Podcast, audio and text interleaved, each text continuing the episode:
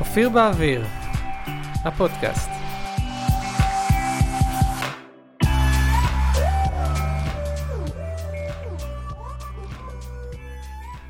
היי, שלום, אופיר מנחם כאן. בפודקאסט הזה אני מדבר על דברים שיעזרו לכם לצאת לעולם ולהביא את היכולות שלכם לידי ביטוי. לפרק הזה יש גרסה כתובה שאתם מוזמנים לראות באתר שלי, הגשמה.ביז, או פשוט תכתבו אופיר מנחם במנוע חיפוש.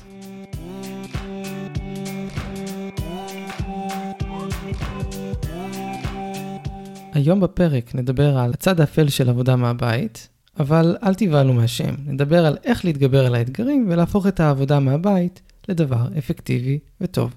בואו נתחיל.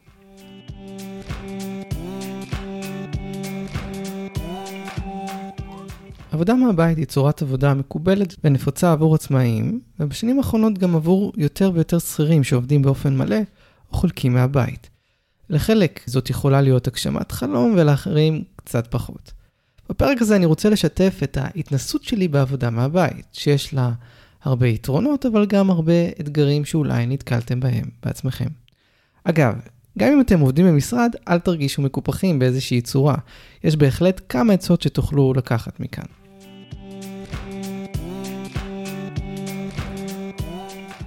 נתחיל מלדבר על הסתירה הפנימית של יעילות העבודה מהבית. עבודה מהבית מכילה שני דברים סותרים.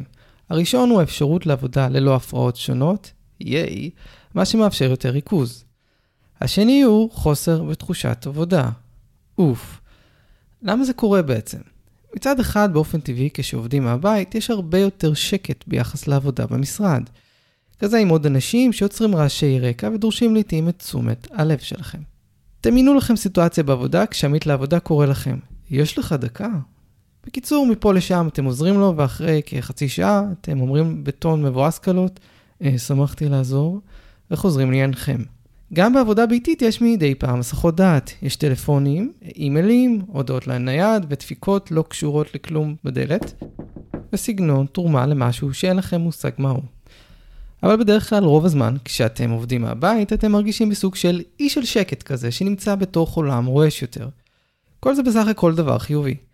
מצד שני, בעבודה מהבית יכולה להיות פחות אווירת עבודה, משום שאין עוד אנשים לידכם שעובדים, או לפחות משחקים אותה עסוקים. בגלל שיש לנו כאנשים נטייה להידבק במה שקורה סביבנו, למשל אם מישהו מפהק לידכם יעלה הסיכוי שתפהקו, כן, בדקו את זה ממש במחקרים, הסיכוי שנעבוד בסביבה שאנשים עובדים בה עולה. השקט הזה טוב, אבל הוא גם יכול להיות שקט מדי. למעשה בישראל קיימים אלפי אנשים שעובדים מהבית, כאלה שנזכרים בנוסטלגיה בלתי נשלטת בימים שהם ניהלו שיחות במגוון מסדרונות במקומות עבודה שונים. לעומת עבודה במשרד, אווירת העבודה בבית לרוב פחות מוחשית, כי אין את האנשים מסביבנו שעובדים. עניין האווירה הוא לא רק בני אנוש, אלא גם כולל סביבה פיזית, הכללית שלנו, כמו תמונות על הקיר, וגם חפצים שקשורים ישירות לעבודה, כמו מסכים ומסמכים. אווירת העבודה כוללת גם דברים שלא קשורים לעבודה, חלקם מדרשים כמו אוכל ושתייה, ועם דברים שמסיחים את הדעת. שלום לך כתבה על כלום בוואלה, ynet או מסיח דעת המועדף עליכם. אווירה לא נכונה והרגלי עבודה לא מתאימים יכולים להוביל אותנו לצד האפל של העבודה מהבית.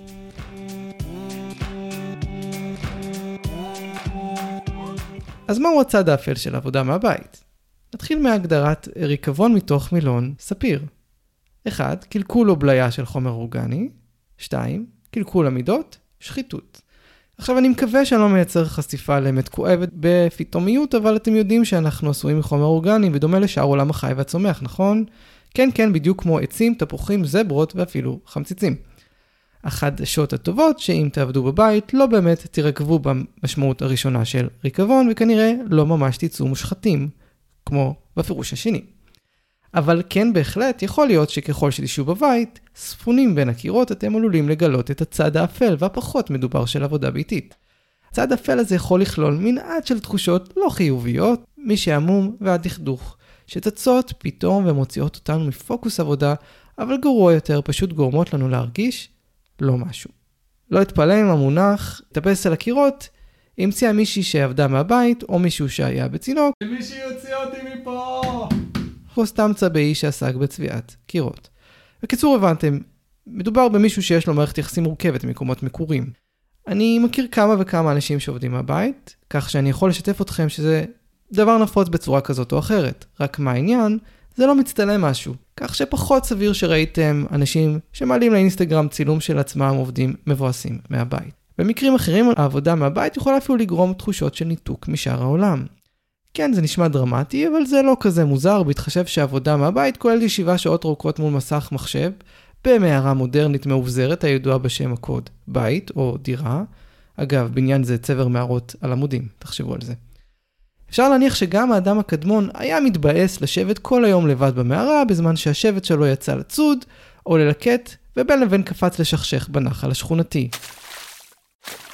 אתם יודעים, הפוגה בסידורים. יש לזה אפילו תזכורת עקיפה בפרק ב' בבראשית.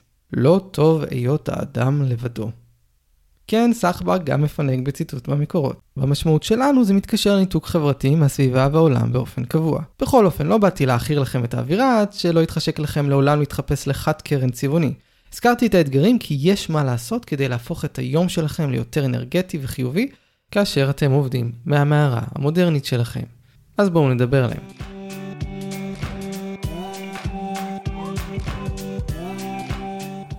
מה הדרכים לשמירה על אנרגיות גבוהות בעבודה מהבית? יש כל מיני דברים שאפשר לעשות כדי לשמור על תחושה חיונית ואנרגטית כשעובדים מהבית. את חלקם אפשר לעשות כשאתם בבית, וחלקם כוללות דווקא יציאה ממנו. חילקתי אותם לארבעה סעיפים. באמת תספרו. 1. אור טבעי. אחד הדברים שהכי משפיעים על מצב הרוח ורמות הערנות שלנו, הוא אחד הדברים הבסיסיים שמסתובבים בכדור הארץ, אור השמש. אנרגיית השמש היא זאת שמניעה את תהליכי החיים. גם בני אדם זקוקים ברוב שעות היום לאור כדי לשמור על ערנות, ולא פחות מכך, על איזון נפשי. הזכרנו מקודם צינוק, זוכרים? על זה שאין שם הרבה חלונות? זה חלק מהעונש. אור השמש מעודד הפרשת חומר בשם סרטונין במוח. מוליך עצבי שיש לו קשר בתהליכים שמשפיעים על מצב הרוח, תיאבון, תחושות הנאה ועוד. אז מה אני עושה בעניין ומה אני מציע לעשות? אני מנסה לשמור על רמות אור שמש טובות בסביבת העבודה שלי. הדרך הפשוטה ביותר היא בכך שאני משתדל שפינת העבודה שלי תהיה ליד חלון ככל האפשר. כמובן שלעיתים יש אילוצים ויש דירות שהן פחות מוארות, במקרים כאלה כדאי לנסות כמה שניתן להגדיל את כמות האור הטבעית בבית באופן כללי. למשל בעזרת פתיחת תריסים והכנסת אור. גם באזורים לאו דווקא צמודים לפינת העבודה. כמו כן, בבתים פחות מוארים כדאי גם לשים דגש יותר גדול על הסעיף הבא. הסעיף השני הוא התאווררות. אני משתדל לצאת מהבית לפחות פעם ביום, עדיף יותר. למשל, סיבוב רגלי קצר או ישיבה קטנה במקום מואר. בכל זאת, בשביל כך התכנסתי עם עצמי בגינה. אם מסתדר, אני מעדיף גם לצאת באמצע היום ואז להשתמש ביציאה מהבית גם כשבירה חיובית של יום העבודה, ולצמצום השעות הרצופות בין הקירות. חוץ מזה שזה מספק שמש בצורה מרוכזת, יש משהו נחמד בלהבין שיש עולם בחוץ, כזה שהוא לא העולם הדו-ממדי שאני רואה כשאני עובד מול המחשב, למשל ברגע הזה. וכמו שהבנו גם בסיוף הקדם, לאור השמש יש השפעה חיובית על מצב הרוח שלנו, וגם יציאה החוצה כמובן, מסייעת להגביר את האפקט הזה. במאמר מוסגר, שמתי לב לתופעה מעניינת, ככל שמזג האוויר בחוץ יפה יותר, אני מרגיש יותר תקוע בבית. ואם שאני עצלן לצאת, אני מייחל לאיזה יום גשם נחמד. אבל בהתחשב בזה שאני גר בישראל, המשאלה הזאת בדרך כלל לא מתממשת. ספרו לי אם גם לכם יש uh, תחושה דומה. סעיף שלישי, מוזיקה. אם יש משהו שיכול לצמצם את השקט של הלבד, או באופן כללי להכניס קצת אנרגיות ליום, זו מוזיקה שאהובה עליכם. לכל אחד ואחת יש את סוגי המוזיקה המתאימים לפסקול היומי שלהם בזמן העבודה, וגם דרך האזנה למוזיקה המתאימים להם. יש כאלה שמאוד מרוכזים כשהם יושבים עם אוזניות ושומעים מוזיקה עם מינימום הפרעות, ויש כאלה שמעדיפים לשים איזה רדיו בחדר, ואחרים מסתפקים בהשמעת מוזיקה דרך המחשב. אני אישית מעדיף שהמוזיקה תתנגן לה בחלל ופחות תהיה שירה. משום שמוזיקה באוזניות יכולה להסיח את דעתי כשאני מרוכז. זה עוד סביר כשיש שיר אהוב, אבל הסחת דעת על ידי שיר מעפן זה כבר ממש לא מקובל עליי. לכן אני מעדיף מוזיקת רקע כמוזיקת רקע. בכל אופן, דרך האזנה היא דבר אינדיבידואלי וכדאי שתבחנו את האפשרויות השונות בעצמכם. אני גם ממליץ למצוא שירות טוב לשמיעת מוזיקה ברצף עם מינימום הפרעות, כן פרסומות ביוטיוב, אני מדבר עליכם. ספוטיפיי למשל מצוינים, גרסת החינם שלהם למחשב והטאבלטים טובה מאוד, ביחס לגרסה החינמית לטלפונים הניידים שהיא די מוגבלת. אבל יש גם שירותים דומים טובים אחרים. ודבר אחרון בסעיף הזה, קחו בחשבון שבזמנים שונים ביום תיתכן מוזיקה שתתאים יותר, לפעמים אנחנו רוצים מוזיקה אנרגטית, בשעות אחרות אולי מרגיעה, בשעות אחרות אה, מוזיקה דיכאון טורקית, וכיוצא בזה. סעיף 4, לצאת מהשגרה. יציאה מהשגרה היא עוד דרך מאוד אפקטיבי לעורר בעצמנו אנרגיות חיוביות ואפילו יצירתיות ורעיונות חדשים. יש הרבה דרכים לצאת מהשגרה. אפשר לקבוע ימים של פגישות מקצועיות מחוץ לבית, שזה אחלה תירוץ לצאת, כי זה הרי קשור לעסק עצמו, וכך אה, הנקיפות המצפון פחות מציקות. כן חשוב לזכור שכמות פגישות גדולה יכולה ממש לנגוס מיום העבודה שלנו, כך שהייתי מסתפק בכמה שעות בודדות בשבוע של פגישות לכל היותר. דרך אחרת לצאת מהשגרה יכולה להיות גם אחרי שעות העבודה, אפילו דבר פשוט כמו להיפגש לחברים על בירה, קפה או תה ירוק. אופציה קלאסית אחרת היא כמובן לעשות ספורט. עדיף כזה שאתם אוהבים ובאמת רוצים לעשות ולא מבאס לכם את התחת במקום להזיז אותו. למה זה חשוב לצאת מהשגרה? השינוי בשגרה יכול לעזור לרענן את המחשבה והאוטומט שאנחנו נוהגים בו. האוטומט שמורכב מהרבה הרגלים שפיתחנו עם הזמן. הרגלים באופן כללי הם דבר טוב, הם עוזרים לנו לחשוב ולעבוד ביעילות, ומסייעים לנו לבצע דברים במהירות, בלי לנתח כל דבר. אבל מצד שני הם גורמים לנו לחשוב באותה שבלונה. זה אומר שככל שתהיו יותר תקועים בשגרה, ככה גם המעוף שלכם יהיה תקוע בבהתאם השאיפות וההישגים. זה נכון בחיים האישיים, וזה בטח נכון בעסקים.